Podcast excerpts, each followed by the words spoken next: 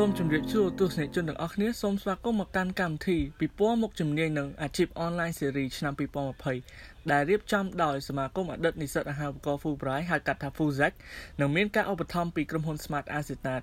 ដោយសារតែការរីករាលដាលនៃជំងឺ Covid-19 Fuzac បានដំណើរការកម្មវិធីពិព័រណ៍មុខជំនាញការសិក្សានិងការងារនេះនៅតាមរយៈវេទិកា Digital ជំនួសវិញដោយមានការផ្ដល់ព័ត៌មានទូលំទូលាយដល់ទស្សនិកជនទូទាំងប្រទេសនៅក្នុងថ្ងៃនេះដែរយើងមានវាគ្មិនមួយរូបដែលគាត់ជាអតីតនិស្សិតដែលបញ្ចប់ការសិក្សាថ្នាក់មូលដ្ឋាននិងថ្នាក់ជាន់ខ្ពស់នៅវិទ្យាស្ថាន ChemEd ផ្នែក សាវនកម្មហើយក៏គាត់មានមុខតំណែងមួយគឺជាប្រធានទទួលបន្ទុកសាវនកម្មផ្ទៃក្នុងនៅវិទ្យាស្ថាន ChemEd ផងដែរអញ្ចឹងកុំឲ្យខាត់ពេលយូរយើងមកជួបជាមួយពួកគាត់ទាំងអស់គ្នាបាទជំរាបសួរបងបាទជំរាបសួរបាទ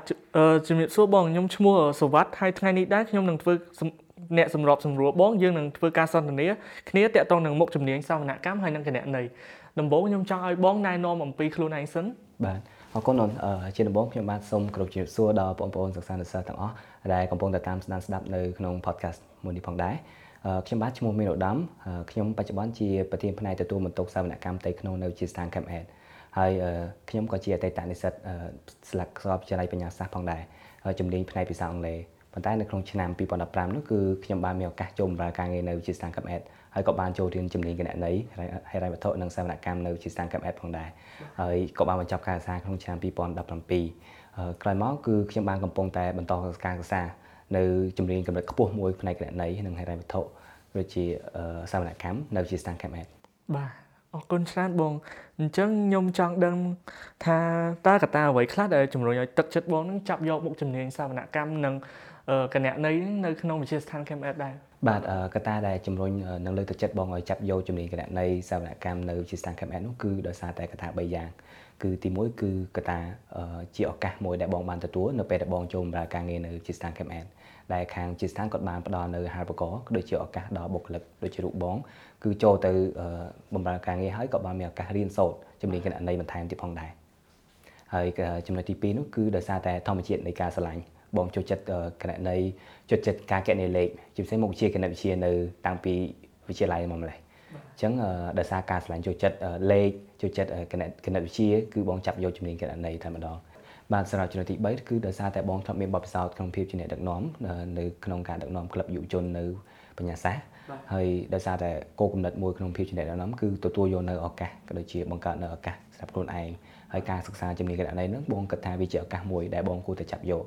ហើយរៀនសិក្សាបន្ថែមទៅលើជំនាញដែលដែលជាជំនាញដែលបងឆ្លាញ់ផងដែរអញ្ចឹងដោយបងបាននិយាយអញ្ចឹងបងចាប់យកជំនាញសាវនកម្មហើយនិងគណនេយ្យហ្នឹងបែបជាថ្នាក់ឯកទេសអញ្ចឹងខ្ញុំចង់ដឹងថាតើមានផលលំបាកអ្វីខ្លះនៅពេលដែលបងកំពុងតែរៀនហើយបងមានជាដំណោះស្រាយអីអាចទទួលបានជោគជ័យនៅក្នុងការរៀនមុខជំនាញសាវនកម្មហើយនិងគណនេយ្យនេះផងដែរផងដែរ បាទអឺចំពោះផលលំបាកនៅក្នុងការសិក្សារបស់បង នៅពេលដែលបងកំពុងរៀនគឺពេលវេលាដោយសារតែនៅពេលដែលបងកំពុងរៀនហ្នឹងដោយតែបានដឹងស្រាប់ហើយគឺបងអត់បានចប់ថ្នាក់បញ្ញាបត្រនៅសាកលវិទ្យាល័យបញ្ញាសាស្ត្រទេគឺបងកំពុងតែរៀនថ្នាក់បញ្ចប់នៅសាកលវិទ្យាល័យបញ្ញាសាស្ត្រផ្នែកភាសាអង់គ្លេសហើយក៏បងបានចាប់យកជំនាញគណនេយ្យបន្ថែមទៀតផ្នែកឯកទេសនឹងផងដែរជាជាអឺជាការកត់សម្គាល់នោះគឺបងត្រូវការបែងចែកពេលវេលាឲ្យបានច្បាស់លាស់ទៅលើការរៀនអឺ ដោយសារការសិក្សាទៀតសោតទៅលើផ្នែកគណនេយ្យគឺវាមិនមានភាពងាយស្រួលទេអញ្ចឹងបងត្រូវជួបប្រទះនៅបញ្ហាពេលវេលាពេលវេលាដែលបងត្រូវចំណាយពេលទៅលើការសិក្សាសាលានៅសាកលវិទ្យាល័យវិទ្យាសាស្ត្រដូចជារៀនផ្នែកគណនេយ្យនៅវិទ្យាស្ថានខេមរផងដែរហើយអ្វីដែលគួរឲ្យកត់សម្គាល់នោះគឺបងត្រូវធ្វើការផងដែរនៅពេលដែលបងចូលរៀនគណនេយ្យនោះគឺបងត្រូវធ្វើការបណ្ដើរៀនបណ្ដើអញ្ចឹងវាជាឧបសគ្គមួយសម្រាប់បងក្នុងការគ្រប់គ្រងនៅពេលវេលាបែងចែកពេលវេលាបានត្រឹមត្រូវក្នុងការរៀន សម្រាប់ដំណោះស្រាយនៅពេលដែលបងជួបប្រទះបញ្ហាដូចជាការងារច្រើនមិនថាតែការរៀនគណនេយ្យការរៀននៅសាកលវិទ្យាល័យបញ្ញាសាស្ត្រឬជាការធ្វើការទេគឺបងត្រូវតែមាននៅកាយវិភាគមួយច្បាស់លាស់សម្រាប់ការរៀនហើយបងបានជ្រើសរើសការរៀនគណនេយ្យហ្នឹងគឺនៅថ្ងៃសៅរ៍អាទិត្យចុងសប្តាហ៍គឺបងតែងតែព្យាយាមចូលរៀនថ្នាក់គណនេយ្យឲ្យបានទៀងទាត់ហើយបងបែងចែកពេលវេលាបានច្បាស់លាស់រវាងការងារនិងសកម្មភាពផ្សេងៗទៀតផងដែរបាទអញ្ចឹងដោយសារតែបងមើលទៅធ្វើការផងរៀន បញ្ញាបត្រផងហើយរៀនផ្នែកឯកទេសនឹងផងតែខ្ញុំចង់ដឹងថានៅពេលដែលបងរៀនតែសៅរ៍អាទិត្យផ្នែកឯកទេសគណនេយ្យនិងសាវនកម្មហ្នឹងតើបងគិតថាបងស្រូបយកចំណេះដឹងតែពេលពីពេលហ្នឹងគ្រប់គ្រាន់សម្រាប់បងអត់ពេលហ្នឹងអឺសម្រាប់បងការស្រូបយកចំណេះដឹងគឺมันមានភាពថាគ្រប់គ្រាន់ទេគឺនៅតែចង់បន្តរៀនហើយរៀនទៀតជាក់ស្ដែងគឺនៅពេលដែលយើងសិក្សាថ្នាក់គណនេយ្យថ្នាក់ឯកទេសនៅក្នុងចុងសប្តាហ៍ហ្នឹងគឺយើងមានពេលវេលាផ្សេងទៀតគឺដើម្បីស្រាវជ្រាវបន្ថែមអឺ ជាទូទៅបងចំណាយពេលស្រាវជ្រាវបន្ថែមគឺនៅពេលល្ងាចដែលពេលបញ្ចប់ពីការងារគឺបងតែងតែឆ្លៀតអាននៅអត្ថបទផ្សេងផ្សេងជាពិសេសគឺបងចូលទៅគេហទំព័ររបស់ខាង website ACCA តែម្ដងដែលគេផ្ដល់នៅឯកសារមេរៀនជាច្រើនដែលយើងអាចស្វែងយល់បានតទៅនៅផ្នែកគណនេយ្យអញ្ចឹងការរៀនទៀតសោតនោះគឺបងរៀនបន្ថែមពីលើការសិក្សានៅត្រឹមថ្ងៃសៅរ៍អាទិត្យបងរៀនបន្ថែមទៀតផងដែរអញ្ចឹងខ្ញុំចង់ដឹងថាចេះបងតើមុខជំនាញ សាវនកម្មហើយគណនេយ្យហ្នឹងជាបញ្ញាបត្រហើយជាឯកទេសគឺវាខុសគ្នាដូចម្ដេចដែរបងអឺសម្រាប់មុខជំនាញអឺកណន័យឬក៏សវនកម្មហ្នឹងសម្រាប់ឯកទេសផ្សេងហើយនិងបញ្ញាបត្រហ្នឹងគឺវាមានលក្ខណៈខុសគ្នាដោយសារតែឯកទេសគឺគេមិនបានផ្ដោតទៅលើរយៈពេលនៃការរៀនបញ្ញាបត្រដូចយើងរៀនបញ្ញាបត្រ4ឆ្នាំទេអញ្ចឹងការរៀនឯកទេសហ្នឹងគឺនិស្សិតអាចបញ្ចប់ក្នុងរយៈពេលត្រឹមតែ2ឆ្នាំហ្នឹងហើយគាត់អាចបញ្ចប់ថ្នាក់ឯកទេសជំនាញកណន័យយ៉ាងបាន ដោយបញ្ញាបត្រគឺយើងត្រូវចំណាយពេលយ៉ាងហោចណាស់ក៏4ឆ្នាំដែរដើម្បីបានទទួលបានសញ្ញាបត្របញ្ញាបត្រហ្នឹងហើយអញ្ចឹងគឺខុសគ្នាទៅលើពេលវេលាលើពេលវេលាចំពោះការរៀនបងគិតថាមិនសូវជាមានលក្ខណៈខុសគ្នាប្រហែលទេដោយសារតែប្រធានបទក៏ដូចជាមេរៀននៅក្នុងគណនេយ្យគឺវាក្តោបរួមទៅលើគណនេយ្យហិរញ្ញវត្ថុក៏ដូចជាសវនកម្មទាំងអស់ហ្នឹងផងដែរបាទខ្ញុំចង់ដឹងថានៅក្នុងមុខជំនាញសវនកម្មនិងគណនេយ្យហ្នឹងវាមានលក្ខណៈដូចម្តេចដែរបង អឺចំពោះគណនេយ្យគឺគេផ្ដោតសំខាន់ទៅលើច្បាប់គណនេយ្យតែម្ដងទៅលើការអនុវត្តជាក់ស្ដែងរបស់គណនេយ្យករដែលគាត់ធ្វើការកត់ត្រាបញ្ជីចំណូលចំណាយរបាយការណ៍ហិរញ្ញវត្ថុផ្សេងផ្សេងហ្នឹងសម្រាប់សាវនកម្មគឺគាត់ធ្វើការពិនិត្យលើឯកសារដែលគណនេយ្យករគាត់បានរៀបចំតើតើឯកសារទាំងអស់ត្រឹមត្រូវហើយនៅគាត់ធ្វើការ check មើលគាត់ត្រូវធ្វើការសង្កេតឬក៏សួរសំណួរផ្សេងផ្សេងតទៅទៅនឹងការអនុវត្តរបស់គណនេយ្យករអញ្ចឹងដល់ពេល ពីមុខផ្សេងគ្នាអញ្ចឹងតើបងរបៀបថាចូលចិត្តខាងគណនេយ្យជាងក៏ខាងសាវនកម្មដោយសារតែបច្ចុប្បន្នបងជាសាវនករហើយបងអាចនិយាយបានថាបងចូលចិត្តសាវនកម្មជាង ការធ្វើសាវនកម្មដោយសារបងសង្កេតឃើញថាសាវនកម្មការធ្វើសាវនកម្មហ្នឹងក្នុងនាមជាសាវនករគឺគាត់បានដើរតួនាទីសំខាន់សម្រាប់ក្រុមហ៊ុនដោយសារអីគាត់ជាបុគ្គលម្នាក់ដែលឯករាជ្យបុគ្គលដែលឯករាជ្យហើយគាត់ផ្ដល់នៅទំនុកចិត្តដល់ក្រុមហ៊ុន តើតើរបាយការណ៍ដែលរៀបចំដោយគណៈកម្មការហ្នឹងគឺត្រឹមត្រូវឬក៏អត់បាទចឹងគាត់ដើរតួនាទីសំខាន់មែនទែនក្នុងការ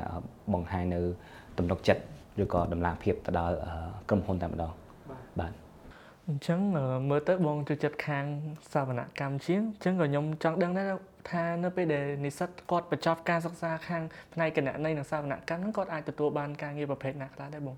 បាទចំពោះទីផ្សារការងារគឺមានលក្ខណៈទូលំទូលាយមែនទែនសម្រាប់និស្សិតរបស់យើង ដែលគាត់រៀនបញ្ចប់ថ្នាក់ឯកទេសក្តីថ្នាក់បញ្ញាបត្រក្តីខាងគណនេយ្យនិងហិរញ្ញវត្ថុក៏ដូចជាសាវនកម្មជាទូទៅនិស្សិតអាចនឹងធ្វើជាសាវនករឬក៏កណេករនៅក្នុងបណ្ដាក្រុមហ៊ុនធំធំក្រុមហ៊ុនអន្តរជាតិជាពិសេសទៀតសោតបើសិនជាគាត់បានចាប់យកនៅជំនាញគណនេយ្យហើយរៀនថ្នាក់ឯកទេស ACCA ក៏ដូចជា CAT ហ្នឹងគឺគាត់មានឱកាសអាចទៅធ្វើការនៅស្រុកក្រៅផងដែរហ្នឹងហើយព្រោះខាងសញ្ញាបត្រហ្នឹងគឺគេទទួលស្គាល់នៅលើពិភពលោកជាង100ប្រទេសនៅលើពិភពលោកបាទ ហើយក្រៅពីហ្នឹងក៏គាត់អាចដើរតួនាទីជាអ្នកប្រឹក្សាយោបល់ជំនាញទៅលើអាជីវកម្មទៅលើពាណិជ្ជកម្មផ្សេងៗនៅក្នុងក្រុមហ៊ុនហ្នឹងផងដែរបាទហើយបើចឹងបងមានគិតថាក្រៅពីវិទ្យាស្ថាន KPS គឺមានសាលាណាផ្សេងទៀតដែលគាត់បង្រៀននៅលើមុខជំនាញសាមនកម្មហើយជាមួយនឹងអឺករណីនេះផងដែរបងបាទក្រៅពី KPS យើងមានដូចជាសាលា Rule សាលា Pullman សាលាមួយចំនួនទៀតដែលក៏ផ្ដល់ នៅជំនាញគណនេយ្យក៏ដូចជាហិរញ្ញវត្ថុវិទ្យាស្ថានបណ្ដាក៏មានបាទហើយនៅមានសាលាមួយចំនួនទៀតក៏ផ្ដល់ជំនាញនឹងផងដែរបាទ តើជាផ្នែកជាលក្ខណៈ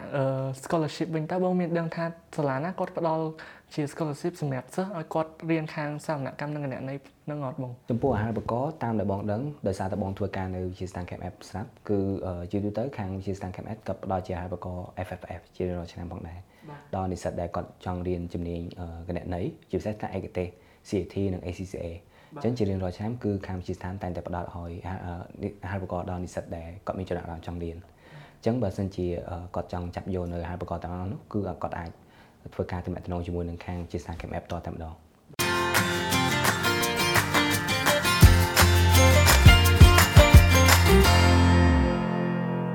បាទអរគុណច្រើនបងអញ្ចឹងយើងចូលពីការរៀនសូត្រទៅលើ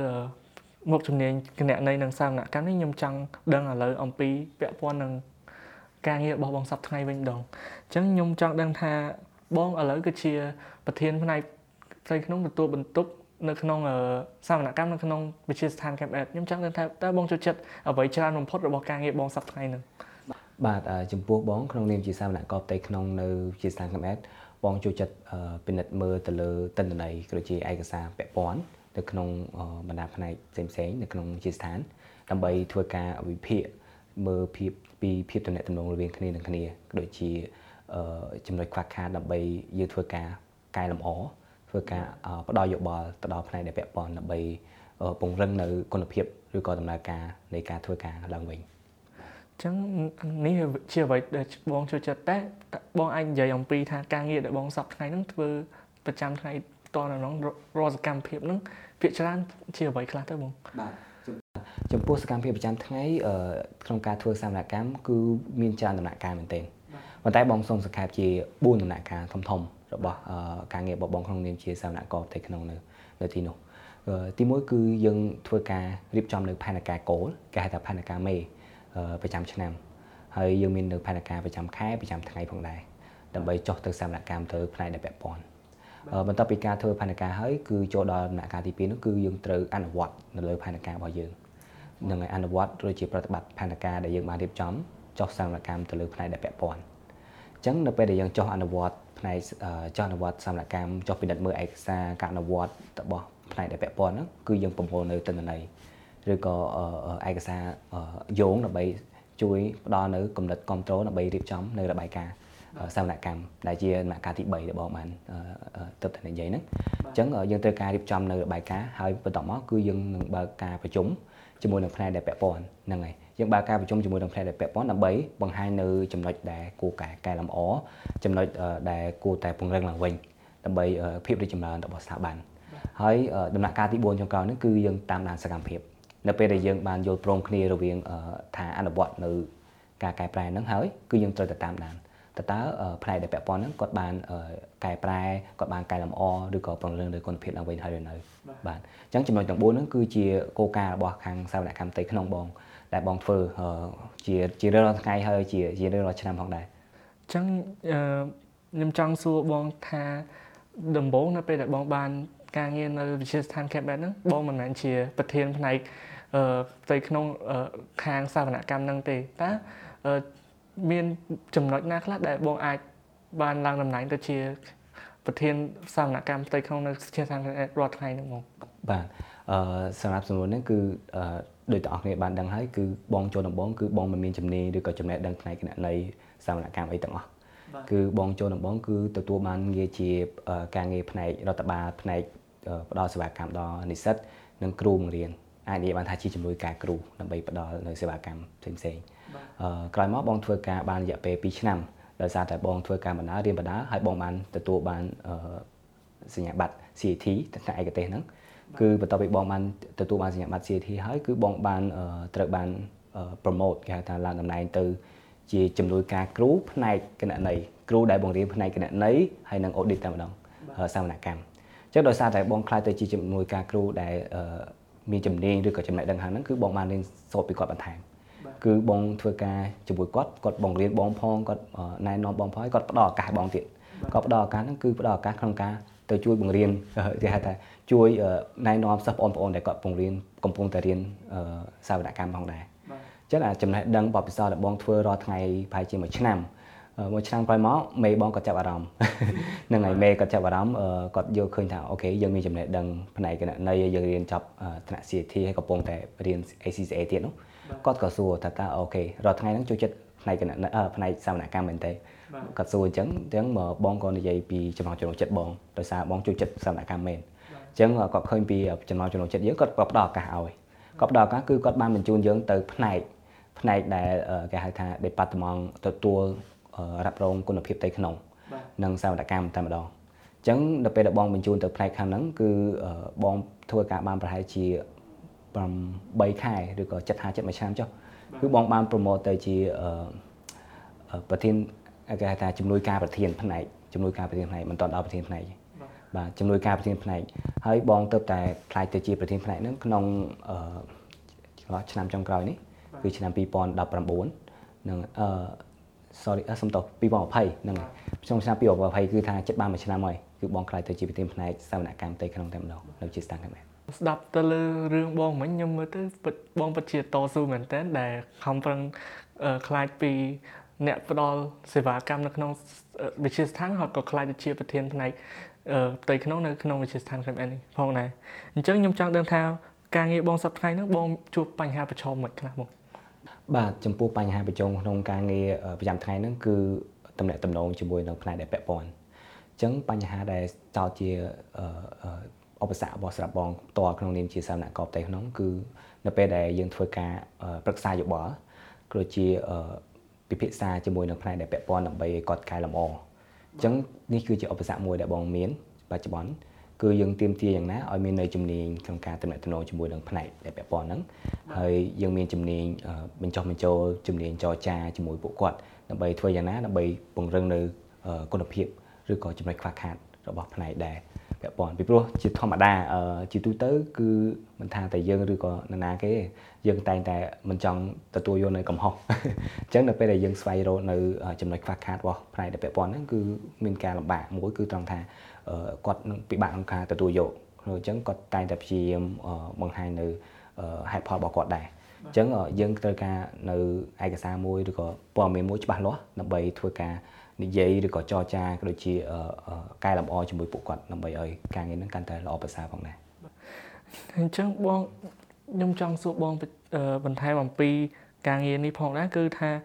តើនិស្សិតយើងនៅពេលដែលគាត់ចាប់បញ្ញាបត្រឬក៏ចាប់ជំនាញឯកទេសខាងគណនេយ្យសាវនកម្មហ្នឹង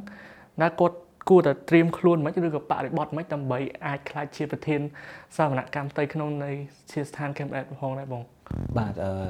សម្រាប់ និស្សិតរបស់យើងនៅពេលដែលគាត់បញ្ចប់ការសិក្សាផ្នែកគណនេយ្យឬក៏សាវនកម្មហ្នឹងគឺបរិបត្តិការងារគឺអាស្រ័យទៅលើក្រុមហ៊ុនដែលគាត់ចូលបម្រើការងារសម្រាប់ក្រុមហ៊ុនរបស់បងផ្ទាល់ខាងជា Stan Camp Ed គឺបរិបត្តិការងារមានលក្ខណៈទូលំទូលាយគឺបើកចំហមានន័យថាបុគ្គលិកគឺធ្វើការមានការសិក្សាការគ្នាបានល្អហើយទៀតសោតគឺការងារប្រចាំថ្ងៃគឺយើងមិនមានជាលក្ខណៈលាក់បាំងអីទៅវិញទៅមកទេគឺយើង open មែនទែនគឺយើង បើកចំហឲ្យគ្នាទៅវិញទៅមកដើម្បីស្វែងយល់ពីព័ត៌មានផ្សេងៗដែលយើងត្រូវការហើយចំពោះជំនាញសាវនសាវនកម្មនេះទៀតសោតគឺទាមទារឲ្យយើងធ្វើការជាមួយនឹងផ្នែកគណនេយ្យកឬក៏ផ្នែកដែលពាក់ព័ន្ធហ្នឹងគឺត្រូវសំណុំពរនៅផ្នែកដែលដែលយើងត្រូវចុះទៅធ្វើសាវនកម្មហ្នឹងឲ្យគាត់ជួយសហការជាមួយយើងគាត់ផ្ដល់ជាព័ត៌មានគាត់ផ្ដល់ជាឯកសារគាត់ផ្ដល់ជាទិន្នន័យឲ្យបានច្បាស់លាស់សម្រាប់យើងធ្វើការជាមួយគ្នាផងដែរ ដែលទាំងអស់ហ្នឹងក្នុងបរិបទការងាររបស់បងកំពុងនិយាយហ្នឹងគឺធ្វើយ៉ាងណាដើម្បីឲ្យនិស្សិតយើងគាត់មានអារម្មណ៍ថានៅពេលគាត់ធ្វើការងារផ្នែកហ្នឹងគឺគាត់ត្រូវតែធ្វើយ៉ាងណាឲ្យមានទំនាក់ទំនងល្អប្រសើរជាមួយគ្នាអញ្ចឹងក្នុងបរិបទការងារគឺត្រូវតែទូលំទូលាយត្រូវតែធ្វើការឲ្យមានការសហការស៊ីសង្វាក់គ្នាផងដែរខ្ញុំចង់ដឹងថាក្រៅពីការបម្រើការ នៅក្នុងវិទ្យាស្ថាន Camp Ed ហ្នឹងតើបងមានដឹងថានៅពេលដែលនិស្សិតយើងគាត់ចប់ទៅលើមុខជំនាញសាវនកម្មហើយជាមួយនឹងគណៈនៃហ្នឹងគាត់អាចទៅបម្រើការនៅក្នុងស្ថាប័នផ្សេងផ្សេងទៀតបាទអឺពិតណាស់គឺនៅពេលដែលនិស្សិតចប់ថ្នាក់គណៈនៃហិរញ្ញវត្ថុក៏ដូចជាសាវនកម្មហ្នឹងគឺនិស្សិតអាចមានឱកាសទៅបម្រើការងារនៅក្នុងក្រុមហ៊ុនសាវនកម្មធំធំក្រុមហ៊ុនអន្តរជាតិក្រុមហ៊ុនដែលគេមានការរីកចម្រើនអញ្ចឹងក្រុមហ៊ុន ជាទូទៅគឺនិស្សិតយើងធ្វើការនៅក្នុងបណ្ដាក្រុមហ៊ុនសាវនកម្មដូចជាក្រុមហ៊ុន KPMG ក្រុមហ៊ុន PwC និងសិតតែជាក្រុមហ៊ុនធំធំផ្នែកសាវនកម្មបាទអញ្ចឹងមិញបងបាននិយាយអំពី